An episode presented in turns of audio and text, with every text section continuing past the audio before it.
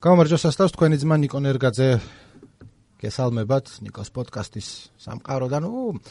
დღეს გვაქვს ესეთი გადაცემა. მუსიკალურ სტუმრიანი ლიკა ბარაბაძე არის ჩვენთან ერთად და ვილაპარაკებთ აა იცი ზუსტად არ ვიცი რა ვილაპარაკებთ ქალ შემსრულებლებზე რომელიც ბოლო დროს რომლებმაც ბოლო დროს გაუსწორეს ლიკას. ესე არის დაახლოებით სათავე და გზადაგზა საიცავთ ვინ იცის? თქვენს მე ნიკოს პოდკასტ მე ვარ ნიკო ნერგაძე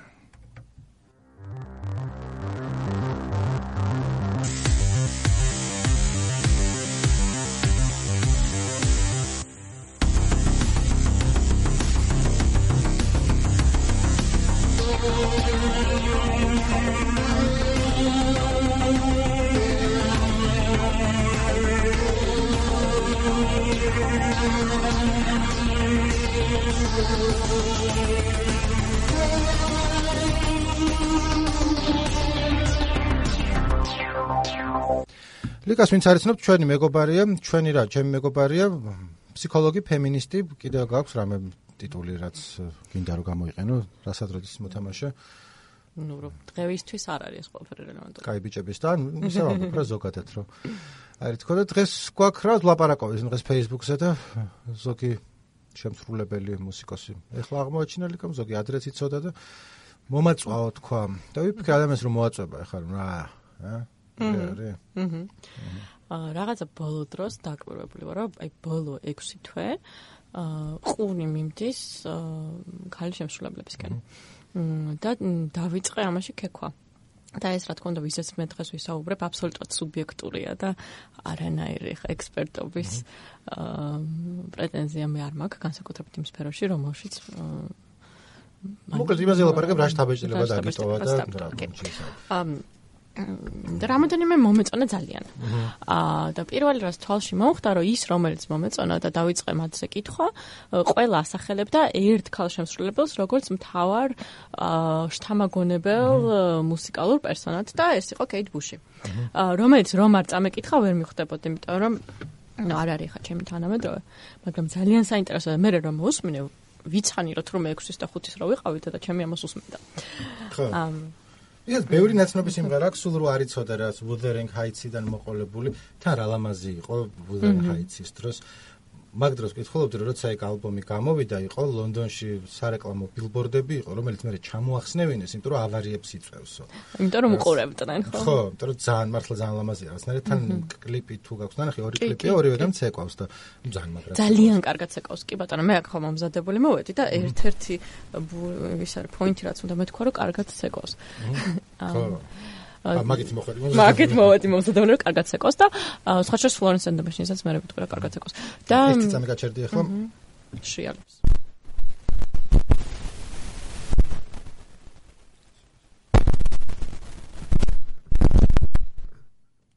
თან ვიდრე ფლორენსზე გადავალთ ხა თვითონ კეით ბუში რატომაც არის ხოლმე მე მე რო ის თქვენ მასკულინური ესა მაქვს რა ქვია არა ნუ კეიტბუში მიყვარს დიდი ხანია და მაგით კეიტბუში რატომაც ყავთ ხოლმე ეს გარდა იმისა რომ მუსიკალურად იყო ბევრ რაღაცაში პიონერი ბიზნესის საქმეშიც იყო რომ თვითონ იყო თავისი მუსიკის ავანჩალანი თავიდან და როგორც პოპ მომღერალმა დაიწყო და ნუ ეს რაც პროგრესულ როკ არტ როკის მიდამოებში გადავიდა მერე და დღემდე როდის იყო? ნაგერ გუშინ იყო 3-4 წლის წინ ახალი ალბომი გამოუშვა ძალიან კარგი რეცენზიებით და თან ის აქეთ სიმღერაში ჩაკრულო, ასე რომ ჩაკრულო თუ გაფრინდი რომელიღაცა სიმღერა არის, სადაც მართალი ამერიკული გუნდი მღერის, მაგრამ მაგით თუ მრავალჟამიერი მართლა. აა სამაკ საინტერესოა დასაწყისში გილმორის დიდი მონაწილეობით გაიქაჩა, იმიტომ რომ მან მოაძებნა პროდიუსერი და დაუსპონსორა პირველი ალბომის ჩაწერა და ასე შემდეგ, ანუ. და მაშინ იყო 19, ძალიან პატარა გოგო იყო და მე რა. და ამხელა გილმორი მფარველობდა. ხო და ნუ მე ეგრევე აფეთქდა კი. და მე ეს ქალების იმასაც რო გადავიდეს, ყველას ფარველობის garaში თავისი სტუდია გააკეთა, თვითონი წერდა და თვითონი ფინანსებდა და როგორ არის მიმი რო არის, რო strong woman who didn't need no man, რაც ხუმრობით არის ხოლმე, მაგრამ მე ეგ ბაზარი იყო. ნუ ალბათ ეს არის თან მოსასმენი და თან საყურებელი. ანუ აი მოსასმენადაც ძალიან კაი. ბევრს არ უყვარს, იმიტომ რომ ცოტა როგორ თქვა, ციკვინა ხმა აქვს იმის გარეშე ნეგატიური კონოტაციის, რომელიც მე ძალიან მომწონს, მაგრამ სპეციფიკური ხმა, რომელიც შეიძლება რომ გაღიზიანებდეს ადამიანს, მაგრამ ბიორკიც ეგრე არა, რაღაც ბერჯერ თუ usmen, მე აღარ გესმის ის რაღაცა და სხვა საქსე ყურადღებას.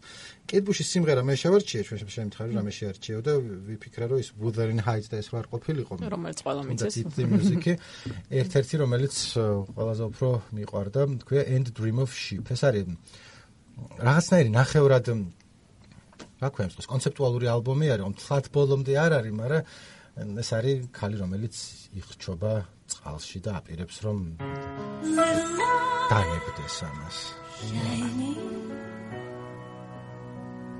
Little guide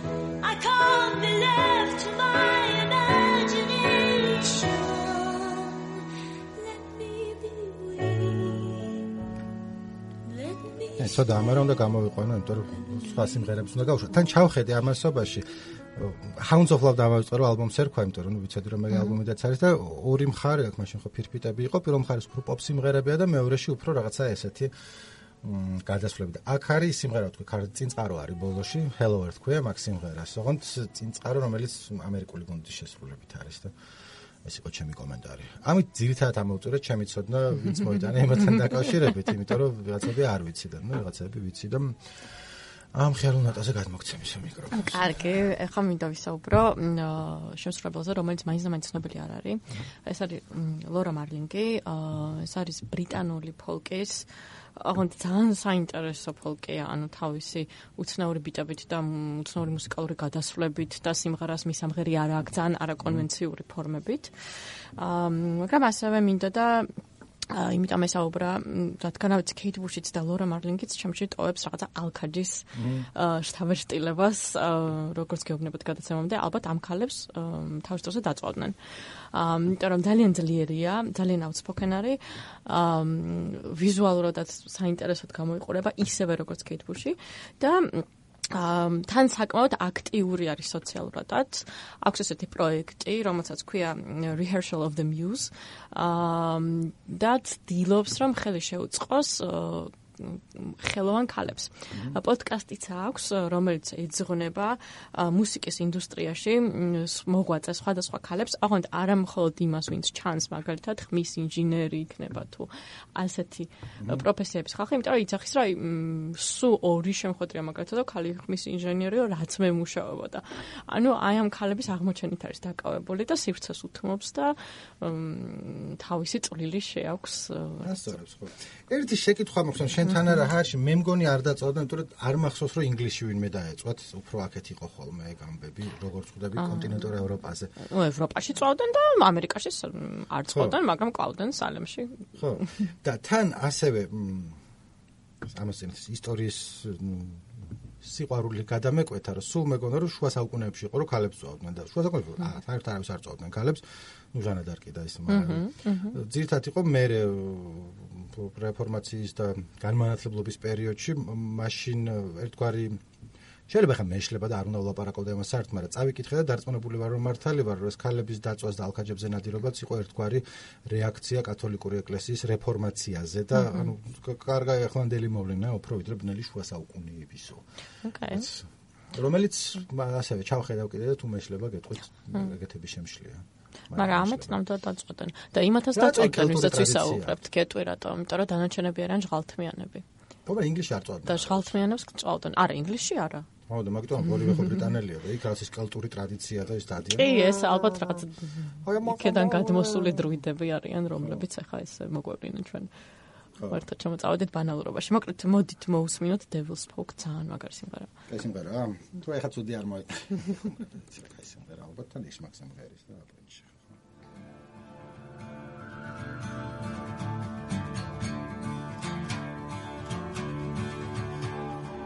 I might be a part of this ripple on water from a lonesome drip, a fallen tree that witnessed me. I'm alone,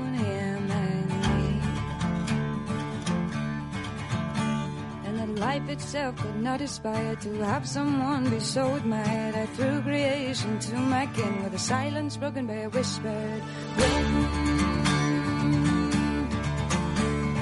All of this can be broken, all of this can be broken. Hold your devil by his throat and spin him to the ground. And roots are root and tip to tip. I look at country jip, let it up by all his fears. But someone brought you close to tears. Many trains and many miles brought you to me on this sunny isle. And what of which you wish to speak? Have you come here to rescue me?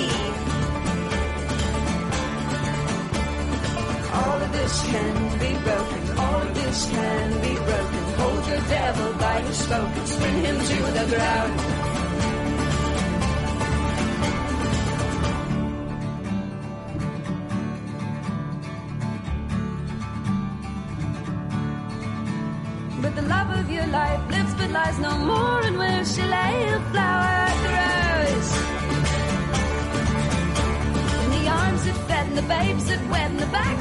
keep it.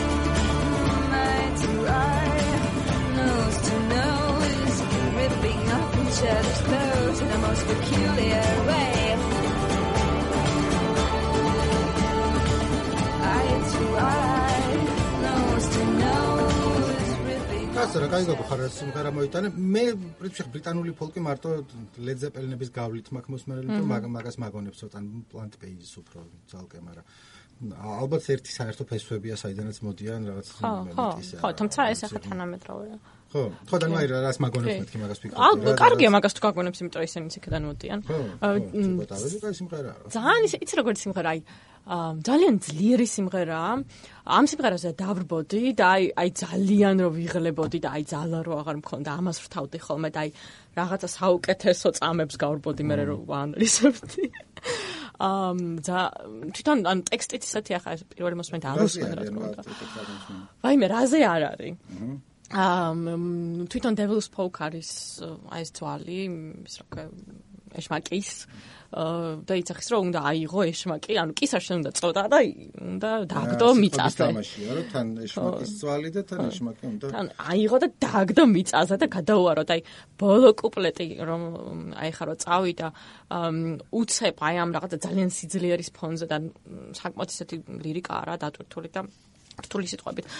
მე ამ სიძლიერის ფონზე მოდის რაღაცა უცებ ძალიან ბევრი სექსი. Um eye to eye, nose to nose, uh, will be tearing off each other's clothes in most peculiar way. ეშმაკთან ექნება სექსი თუ ცალკე? არა, ცალკე წავიდა უცებ, უცებ საიდანღაც შემოდის და ალბათ ამ ქალებს საერთო ესეც აქვთ რა, ვინც დღეს მომეწონა რა, რაღაცა სიძლიერა და სიმტკიცეც მოდის მაგათგან და უცებ ეს რაღაცა სექსუალური თემებით შემოდის და მე უცებ ამ სძლიერის ფონზე რაღაცა მოწყვლადობა, რომელსაც საერთოდ არ მოელი და ძალიან ემპათიით უყურებ მე რა ესეთი ძლიერი ხალია და უცებ აი შიშვდება და ისეთ რაღაცებს გიყვება შენს მენელს რა ისიც სუსტი ამავე დროს რა. საიტი უნდა იყოს მოწყვლადობა ჯიო ოღონდ წყვლადობა როგორი წერება არ ვიცი ყველა შეეშლება ხოლმე. რაც არ უნდა კონდეს წკვლადო რთული სიტყვა ტრანსლიტერაციისთვის. მანამდე რა ხსენა რომ ეს აკეთებს ეს ლორა მარლინ ლორა ქვია ხო მარლინ პოპულარიზაციას რა ვთქვა ხმის ინჟინერი ქალები და შემდეგ მაგაზე გამოხსნა ადრე ვკითხულობდი რატო არის მოკლედ ეგეთ ამბავი კინოში ეს ტექნიკური პერსონალი უმეტესად არიან ხოლმე კაცები. ანუ არა უბრალოდ სეტზე ვინც მუშაობს არამედ ვთქვა იგივე ხმის ინჟინერი მაგრამ მემონტაჟები არიან ბევრნი ქალები ტრადიციულად ყოველთვის ბევრნი იყვნენ და მე ვკითხულობდი რატო არის ეგრე და რატო არა სულ თავიდან ჰოლივუდის დასაწყის დღეებში? აა მაშინ ჩემი ხმარო არის მოდა კარგად არ აუშავს ხო? მოკლედ მაშინ ფიზიკურად ამონტაჟებდნენ ხოლმე ნუ ლენტი უნდა აგეღო და გადაგებათ ან ძალიან გავდა არ ვიცი ქსოვას თუ კერვას მსგავსი ტიპის საქციელი იყო ანუ ვიზუალურად მიამსგავსეს ქალის საქმეს ბჭყალებში ხო ისე ფიზიკურადაც ის უნდა გადაგება ფიზიკურად რაღაცეები და ქალის საქმეს გავდა და ამიტომ ქალებს ასაქმებდნენ მან და დღემდე მოყვა ისე რომ ძალიან ბევრი ცნობილი მომონტაჟე არის ქალი იმიტომ რომ ტრადიციულად ქალები არიან მაგამ ბავშვი. ესეც არ ვიცი ვინმეს რამეში გამოადგება თუ არა ოდესმე, მაგრამ ცირე ტრივია. ცირე ტრივია ნიკოსგან. გენდერ როლებს. მე ბოლო დროს მაგ აწყვეტილი და ყველა გადაცემაში გენდერზე გადავდიოდი ხოლმე. არის თუ არა, ну ამ შემთხვევაში პირდაპირ არის კავშირში, მაგრამ ну მაინც რა. ანუ ამ თემით მოვედი შესაბამისად ძალიან ძნელი იქნება. ამ თემით მოვედი ნიკოლაოს. სენ სენ ტვინსენზე ხომ არ გადავსულიყავით რა კი ლეგენდერი. მიკროფონი გაგდა დავა და ასე შემდეგ ერთი queer არტისტიც გჭირდება აუცილებლად. აა იმიტომ რომ საკმაოდ სკანდალური გახდა თვითონ ენი კლარკი ბოლო დროს. აა თავისი ცხოვრების და გამო აა და თავიდან აი ძალიან არ მოწონდა რომ რაღაცა სახე ვარ და იმიტომ რომ ძალიან ცნობილ ცნობილ მოდელთან ხედავდნენ. კარადელე რაღაცა. აუ რაღაცა დელავიჟნ რაღაცა მოფრანგულო გვარი აქვს რა. ხო, კარადელე. ხედავდნენ ერთად იყვნენ ოფიცერი. ხო, და ეს ძალიან წუხდა, რომ ანუ უფრო სკანდალური გახდა ვიდრე თავისი მუსიკა.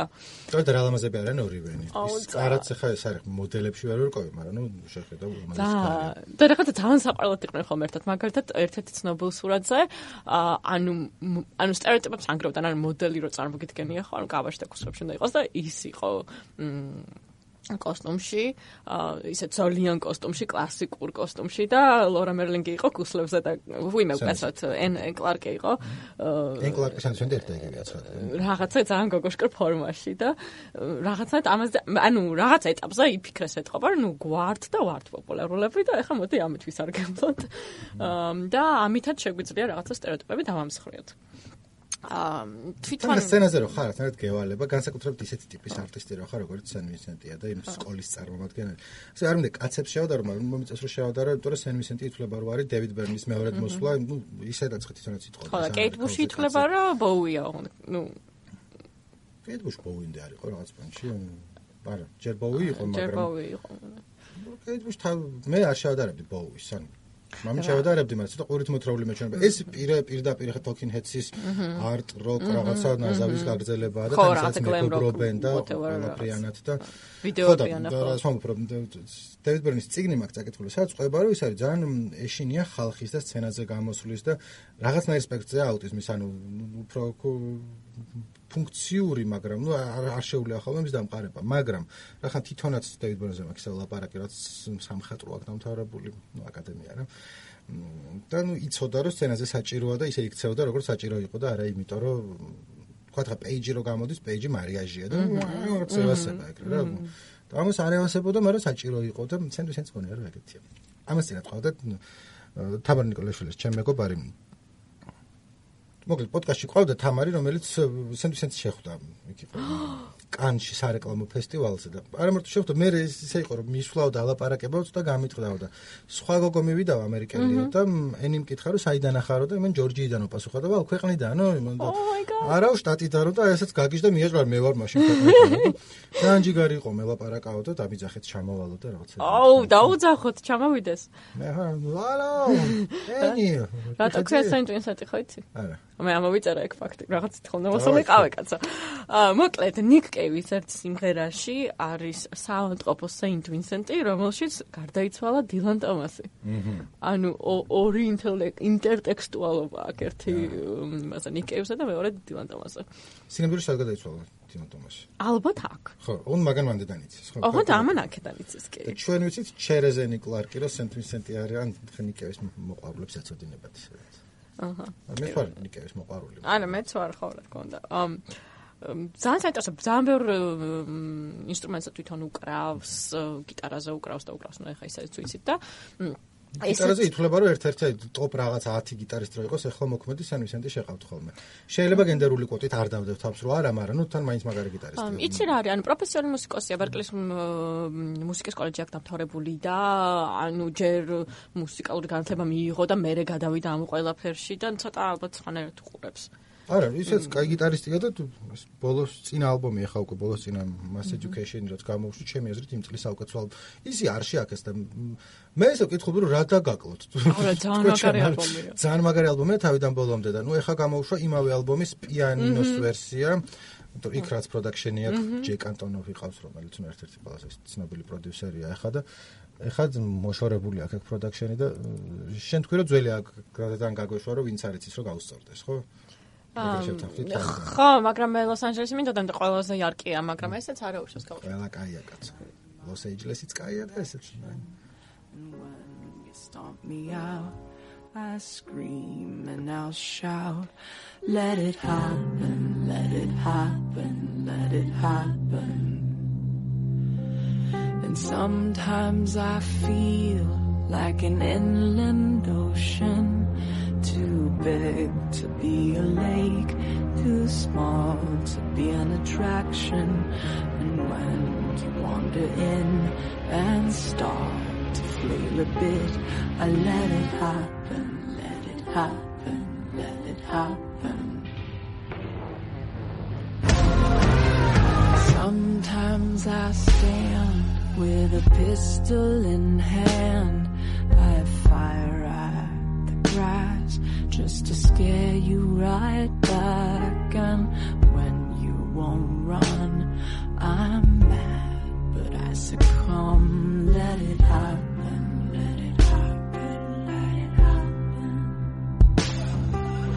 Sometimes I go to the edge of my roof and I think I'll jump just to punish you and I should float on the taxis below. No one will notice,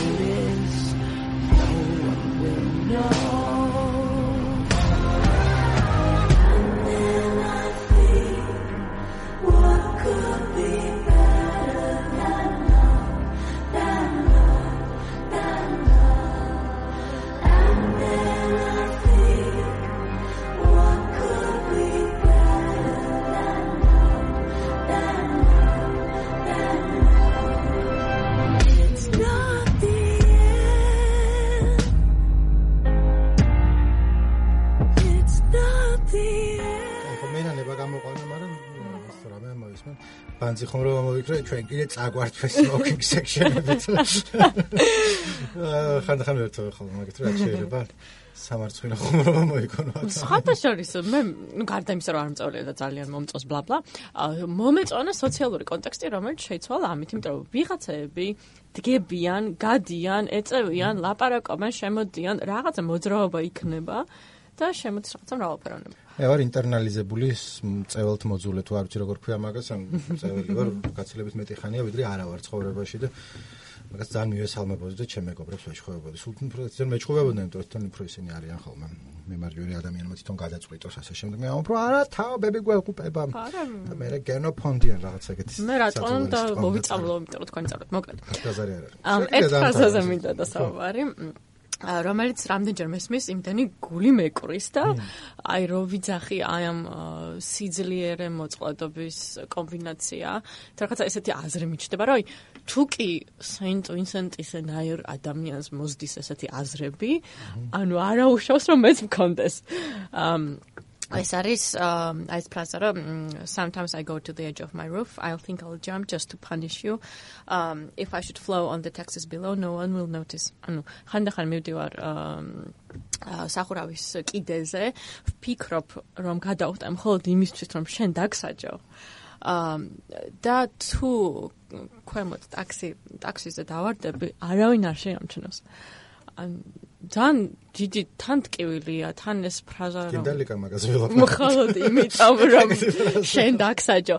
და ანუ მოკლედ ეს ფრაზა ყოველთვის ძალიან მკიდებს ხელს და აღმოჩნდა რომ ეს არის საკმაოდ ცნობილი ასე რომ იძახენ იკონური აიკონიკ ფოტოსურათი კალისა, რომელიც 20-იანებში თუ 30-იანებში, მაშინ როდესაც კიდე იქ ფანჯები იღებოდა, გადმოხდა კრაისლერის შენობიდან და ტაქსიზე დაეცა. ენდი ორჰოლის ნახატი ქვია რა, ნუ ეგ გაკეთებული. ენდი ორჰოლისგან ვიცი მე, ეგ ფოტო რო აგდია ტაქსიზე ზევიდან. ხო, ხო, ხო. არ ვიცი ენდიმ რახელი შეავლო იქ, ანუ ფოტო არის, რომელიც მე ალბათ რაღაცნაირად გააკეთა და ესეთია, ჩემზე ძალიან იმოქმედა, როცა ვნახე თავის დროზე. ხო, და მე ძინავს გეგონა. კი, აი რაღაც ყვავილებით არის. აა ვიზუალი არ მქონდა ნანახი. უბრალოდ ეს ფრაზა იმდენ ძლიერი იყო, რომ ნუ ვაიმე ღმერთო გადავხტები და ვერავინ ვერ შეამჩნევს. არა და იმიტომ ხვტები, რომ იმან შეამჩნიოს, იმიტომ იმას ვსჯი. აა და ნუ იმას კიდია ფეხებზე. აა ეს ძალიან ეს relatable ფრაზა და რომ ვნახე ეს ვიზუალი, ეს სურათი, აი საერთოდ მწრე შეიკრა. აჰა.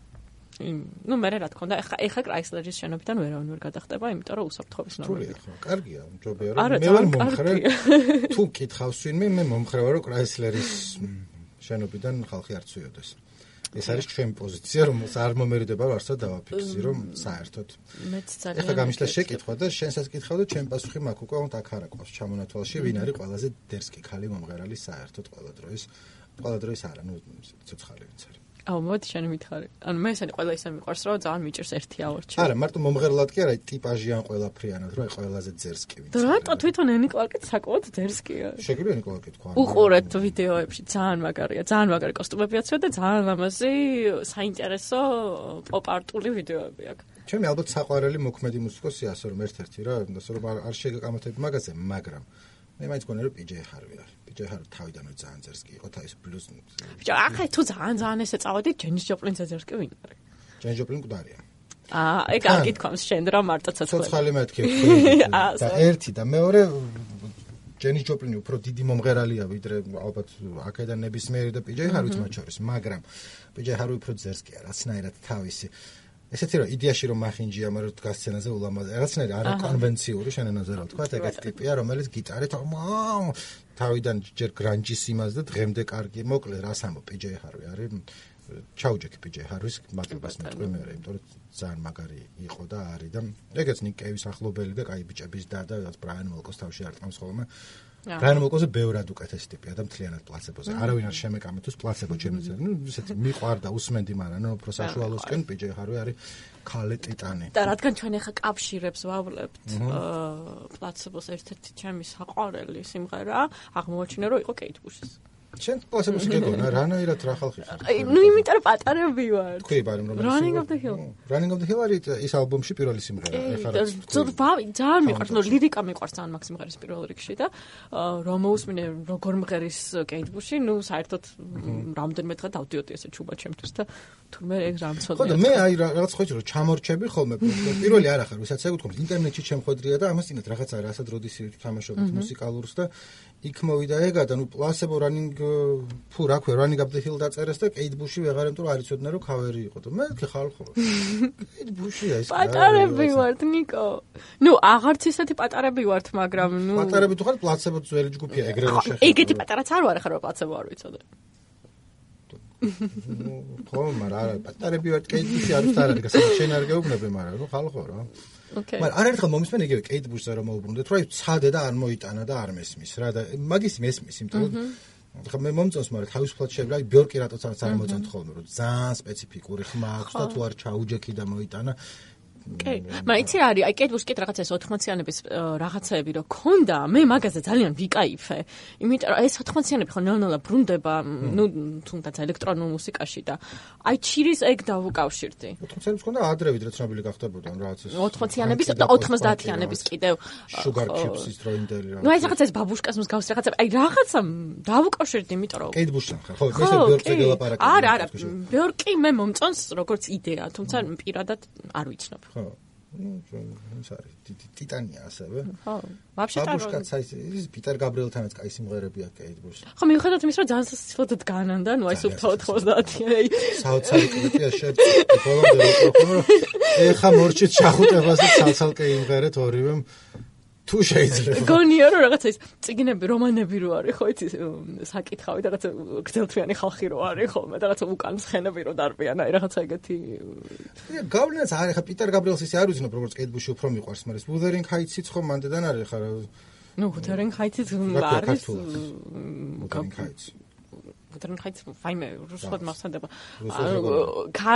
კარტეხილიანი უღელ კარტეხილიანი უღელტეხილი ხო. რომელიც არის ერთ-ერთი ბრონტესი. კი.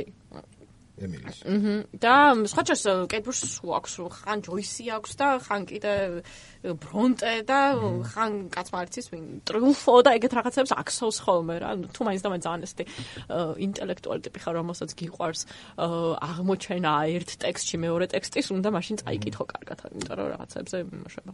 ხო, ან ისე მაქვს, ნუ ესეც კაია ხოლმე.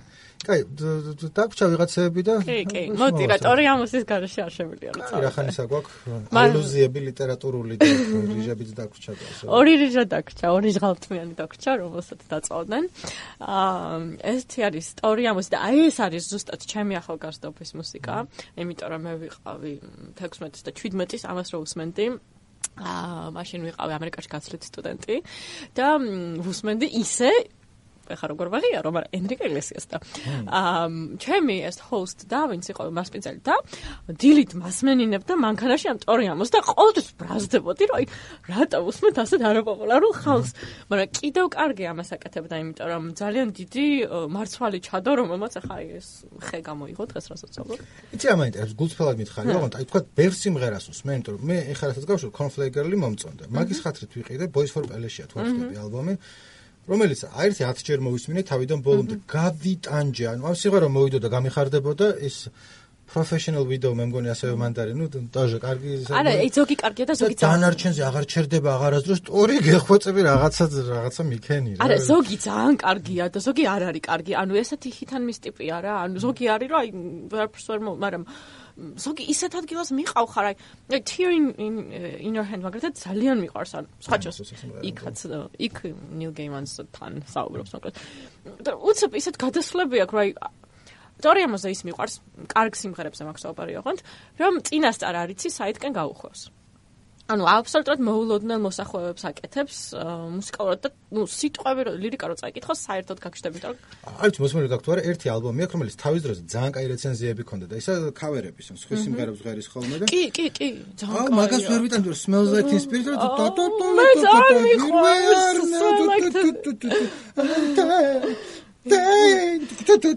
და მანდარი კიდე total eclipse of the heart რომელიც აი როგორია იცი რომ აი total eclipse of the heart არის რა მთლიანად რა მე მიყვარს ეს ალბომი. Total Eclipse of the Heart ალბათ არის ერთ-ერთი ჩემი ტოპ 10 საყვარელი სიმღერა 80-იანებიდან. აუ, ირონიის არ აი არ მოგეწონება ესე კი, იმიტომ რომ აი მინა გულს აჩარებს ის. ხო, თან მესმის რომ ცვლის და ყველაფერი ქავერის არსი მესმის ზოგადად, მაგრამ ნუ ყველა არის რომ იწება რაც გონია რომ ჯაზს უსმენ თავისუფალი ფორმით, რომელიც არ მიყვარს ისედაც და რაღაცა ცოტა მომეცი გოგო რა.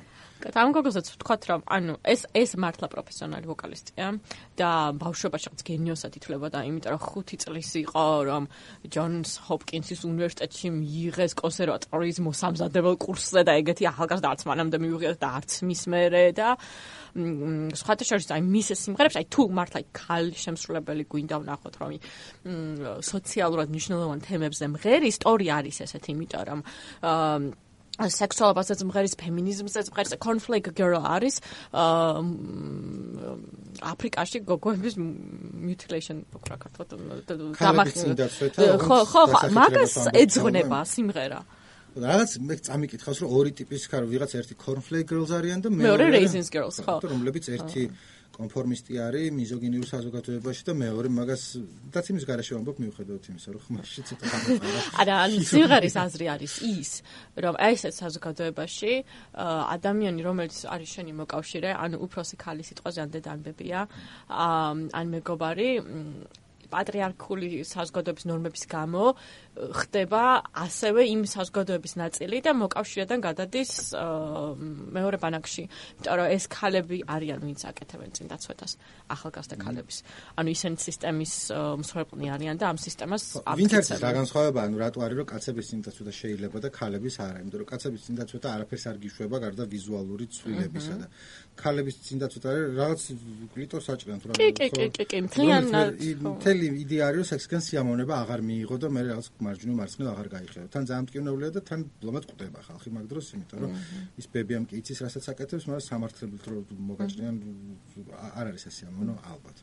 და ამასთანავე აღმოაჩინე რომ ჩვენთან საქართველოსიც არის მაგის პრაქტიკა. მე რამდენად უნდა გამორთო ჩემი ისა მიკროფონი საკუთარ თავს ვერ ჩიმო, მაგრამ მაინც ეს. ანუ ეხლა შენ რაზე საუბრობ, ვერ გავიგებთ? რას?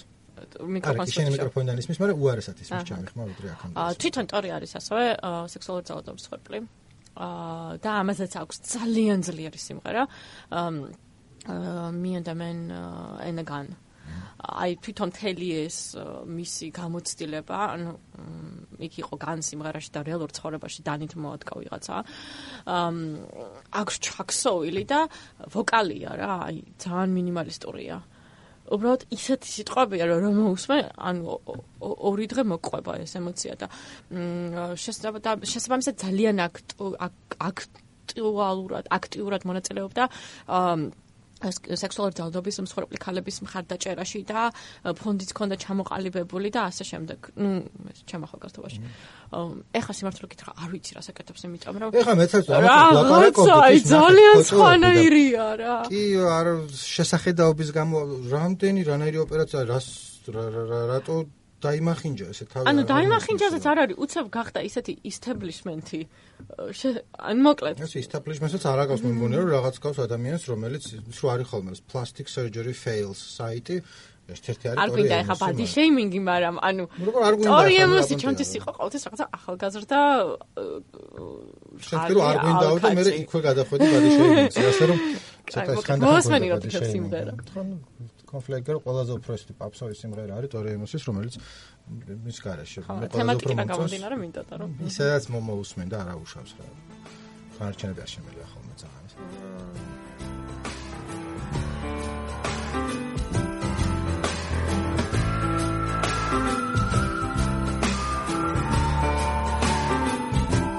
Never was a Thought that was a good solution, hanging with the raisin girls. She's gone to the other side, giving us a yo-yo. Things are getting kind of gross, and I go at sleepy time. This is not really, this, uh, this, uh, this is not really happening.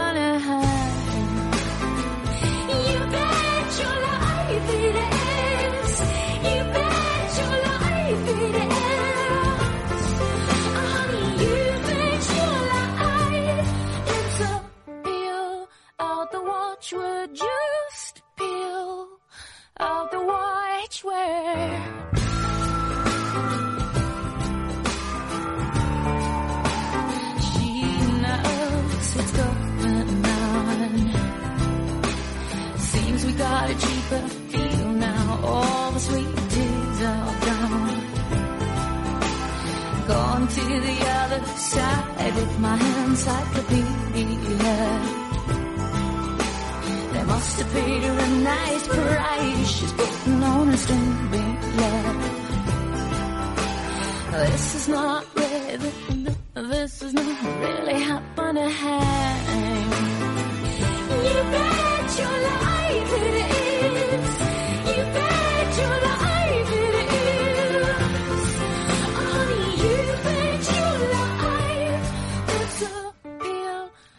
და ვფიქრობ რომ მართლა არ ვიცი, კაი ხანია სადაა ვერ არ ვეინაო რა არის ხოლმე ვიექს ამის ადრე იყო, რასაკეთებს რითია დაკავებული.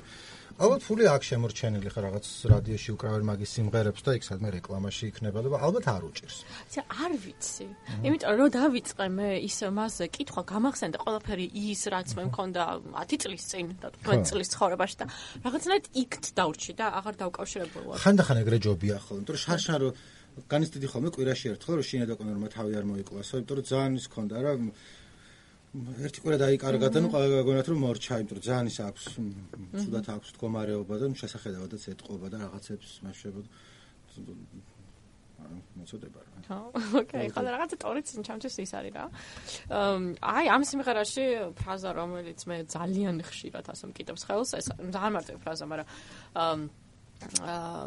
this is not happening now you bet your life it is i რამდენჯერ მყოფილა ჩემ ცხოვრებაში რომ ეს ახლა არ ხდება და მეორე ხმა რო შემოდის რა რომ აი დაგენ კი ხდება. თან კი ხდება კი რა აი დაგენიზლები ხდება.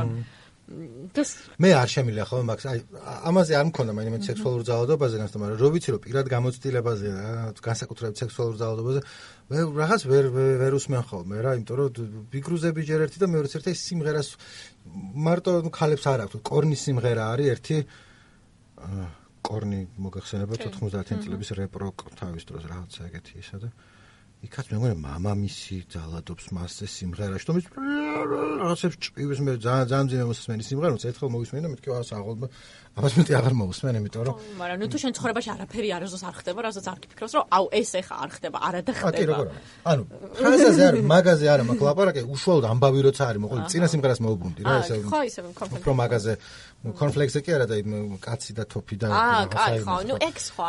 ეგ მაგაზე უფრო ვიგრუზებ თორე თუ რაღაც კონკრეტული რაღაცა გამოცდილება ბაზარი არა. ხო, მაგრამ მანდაც ის ღირებულებაა, რომ აი ტორი ამოსმა გაბედა და მოყვა. ისე როგორც მან მოყვა. არა, შემიძლია შორიდან პატივი უცე და ვაღიარო რო. და მე თუ რაღაცა მაგ განცდილი მსგავსი მეც შემიძლია გავძლიერდე ამით. ეს განცდა. აი თქვათ იგი ნიკევის ბოლო ალბომი არის, ერთხელ მოусმინე და მეთქი ამას აღარასდროს ცხოვრებაში არ მოусმენ, იმიტომ რომ შვილი სიკვდილზე არის ყובה, ნახევარი დაწერილი ქონდა მანამდე, მაგრამ ნუ მაგის კონტექსტში და მაგის მერე დამთავრებული სიმღერებია, რომელიც უძლიერესი ალბომია, თავიდან ბოლოს ნიკევის კარგი ალბომი, კარგი, კი არა, ძალიან კარგია, მაგრამ ну ხო ხვდები რომ მივხვდი რომ აი არასდროს მაგის ხასიათზე არ ვიქნები ცხოვრებაში რა მოვისმინო აი არ მინდა რამეს მას მოусმენ მირჩევნია იგივე ტექნიკების სისხლების და იმის მეტი რა აქვს. მოჭრილი თავების და იმებს მოვისმენ ხა ვიცი რომ რაღაც სხვაზე აი ისე გაგიზიარე თორე განარა განარა მე მე ჩვენება თუ ძალიან ცხელა აქ და ჰაერი არ არის სტუდიაში კი კი და თან ძალადობაზე ვსაუბრობ აი რამე ესეთი გაქ რა ძალადობაზე არ არის. აა ფლორენს და მაშინი მაგ კი ბატონო. ფლორესანტე მეშინი ხა ჯგუფი ვიცი და რაც არ მომისმენია არასდროს.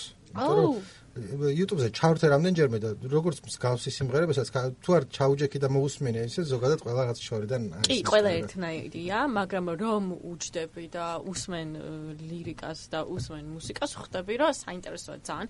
ნუ ეს ინდი ჯგუფები ესე ან ძალიან მოგწონს, ან ვერ ამოღამებ. მე ეს ესე ვარ, იმიტომ რომ ძალიან ბევრ ხალხთან მაქვს ეს კონკრეტული ჯგუფი განხილული, რომელიც მუსიკაში კარგად ერკვევა და რაღაცა ეს რომ ინდი რაღაცა მიმართულება, აი, ვერ ვერ უჯდებიან, ვერ იახლოვებენ, აი, ზედაპირული გონიათ.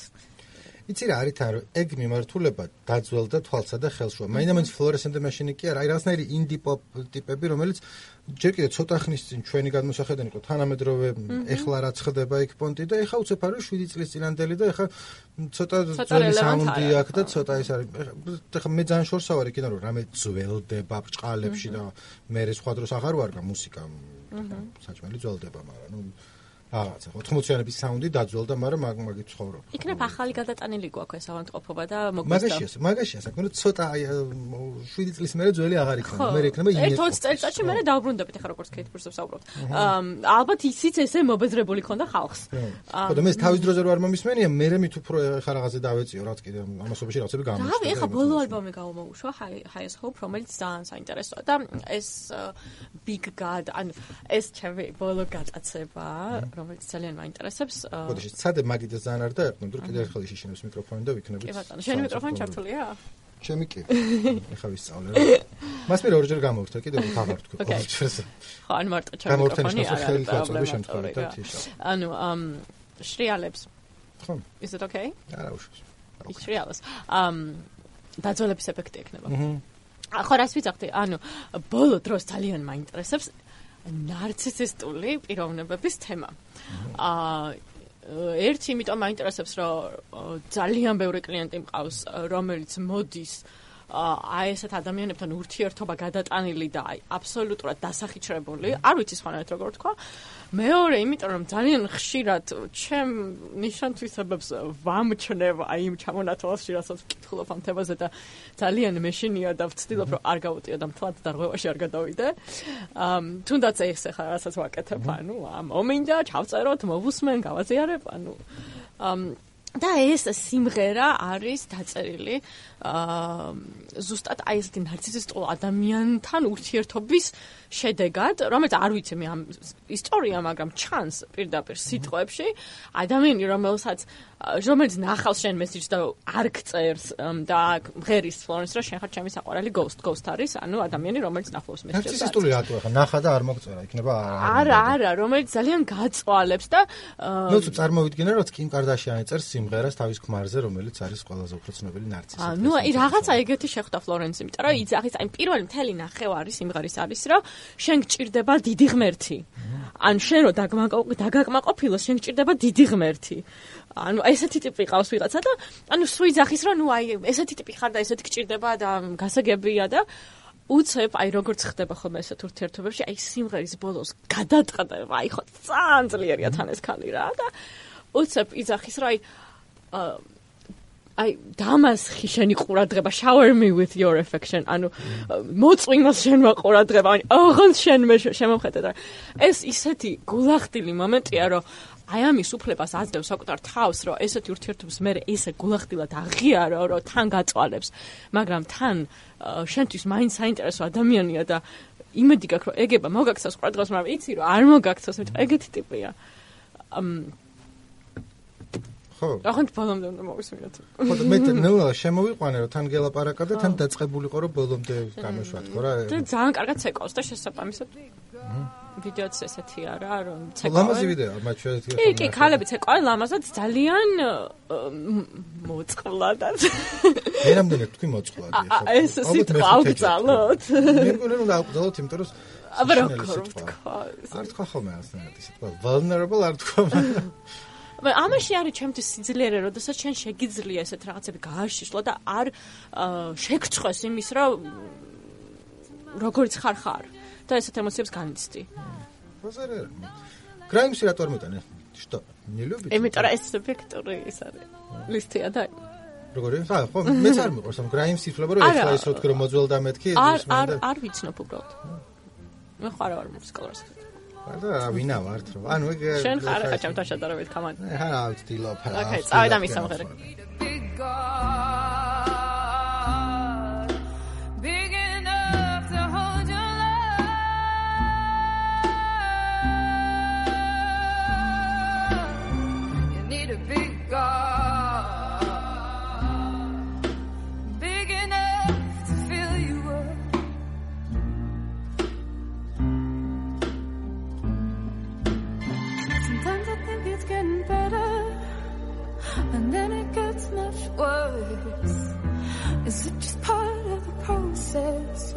Jesus Christ, it hurts.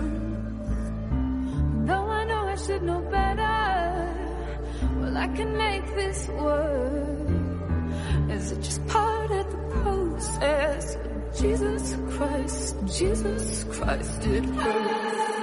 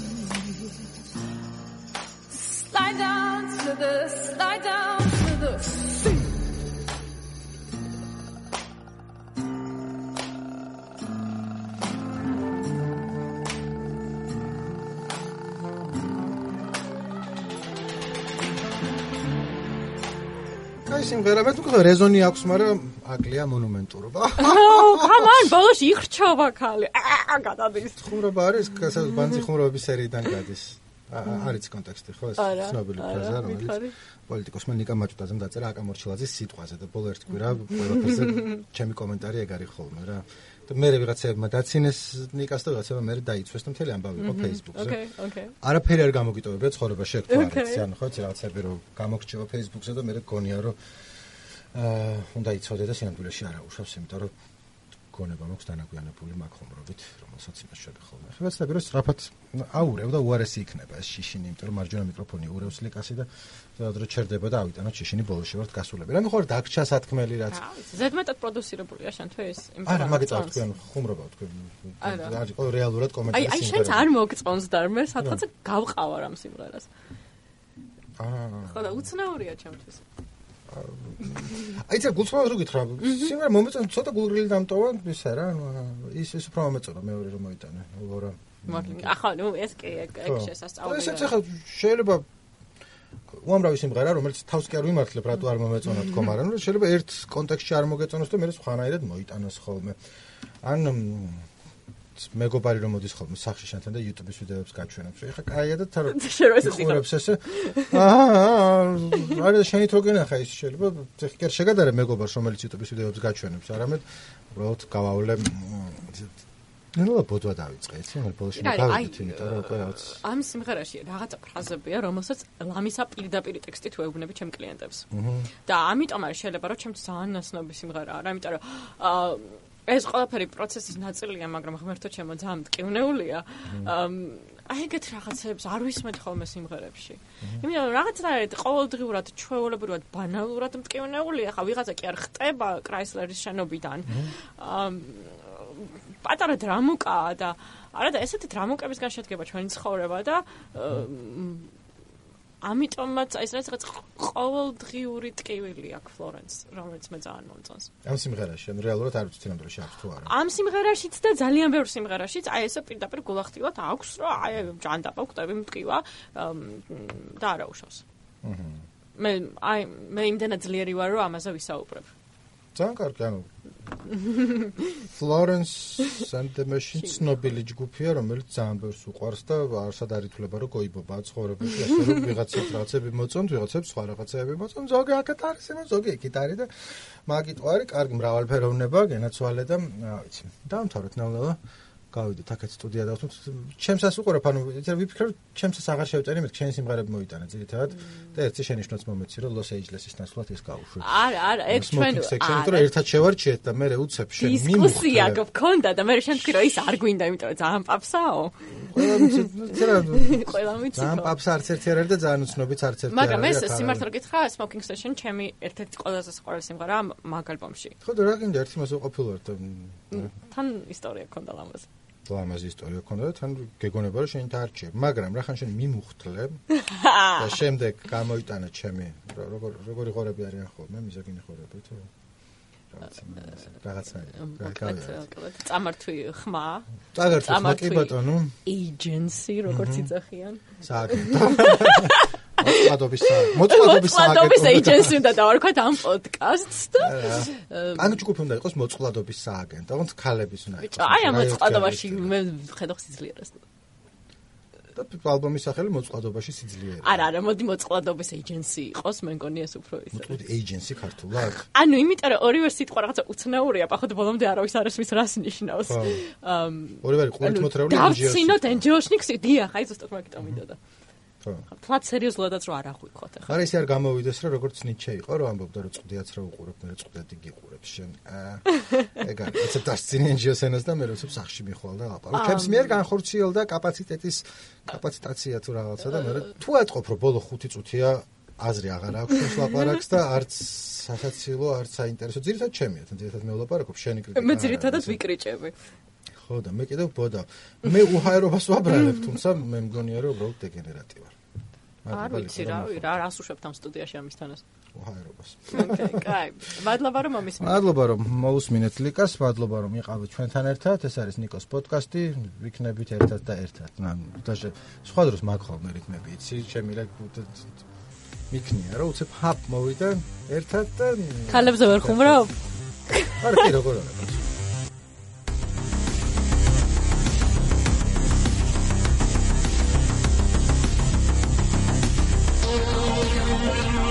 Thank you.